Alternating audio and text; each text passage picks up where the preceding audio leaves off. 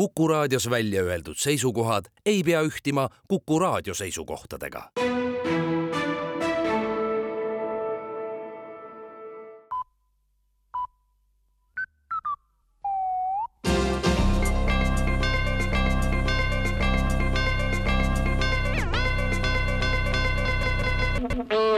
tere uudistestuudiost mikrofoni juures Rohke Debelak valitsuse tänahommikune pressiteade annab teada, et maksutõusud koos mitmete toetuste likvideerimisega teenivad mitut positiivset eesmärki. esiteks kulude kokkuhoid, mis on tarvilik riigi rahanduse kordaseadmiseks ja samas on just kehtestatud toetuste maksmise lõpetamine samuti ülioluline. sellel on selgelt treeniv eesmärk, mis peab inimestes lõpetama petliku kujutelma, et kui riik midagi teeb ja lubab, siis see nii saab ka olema pikemas plaanis inimesed näevad nüüd, et midagi kindlat siin maailmas ei ole, ammugi ei saa lootma jääda riigi abile, see aga karastab inimesi ja paneb nad tööle selles suunas, et ise alati kõikide asjadega hakkama saada, mitte lootma kõiges riigi peale ja uskuma, mida poliitikud räägivad. inimesed on uskuma jäänud viimaste aastate jooksul uskumatuid asju ja tasapisi tuleb reaalsesse maailma tagasi tulla, märgitakse teates maaeluministeerium aga annab teada, et paljude maainimeste üheks peamiseks kehva majandusliku elujärje põhjuseks on liigne loomaarmastus. seda võib väita tuginedes värsketele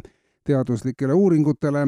kui linnainimesel on ehk koer või kass või harva mõlemad, siis paljudel maainimestel on lisaks veel sead, lambad, muud kariloomad, kuked, kanad. harvad pole juhused, kus inimesel on mitusada lehma ja nii on selge, et pärast nende kõikidega jalutamas käimist ei jõua inimene enam mingisugust tasuvat tööd teha eeskätt tulekski lemmikute arvu vähendamisele mõelda, taas normaalsesse ellu tagasi tulla, jätta alles lemmikloom või kaks ja siis on ka kiiresti näha, kuidas majanduslik olukord paranema hakkab.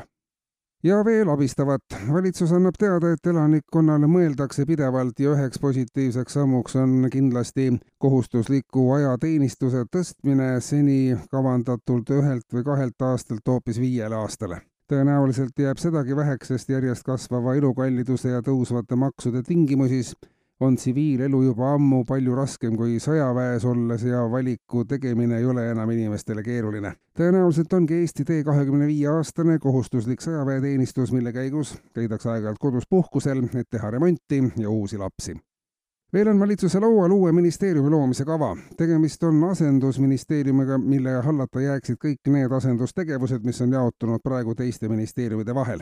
asendusministeerium võtaks kõik sellised asendustegevused ühtse juhtimise alla ning siis on näha, kui palju on ministeeriumitel tegevusi ja kui palju neid tegevusi, mis tegevusi asendavad. kui mõnes ministeeriumis peale asendustegevuste lõppemist enam tegevusi üle ei jäägi, siis saab leida asendusi, et tegevusi ikka jätkuks kui selgub, et nii nagu asendamatuid inimesi ei ole olemas, ei ole ka asendamatuid tegevusi, siis saab edasi minna asendamatute asendustega ja võtta juurde inimesi. kogu keerulise valdkonna kureerimiseks asendusministeeriumi vaja ongi, märgitakse eelnõu seletuskirjas ja operatiivteade kell kaksteist kolmkümmend eile sai Tartu politsei teate, et Annelinnas elaval pensionäril on peenike pihus.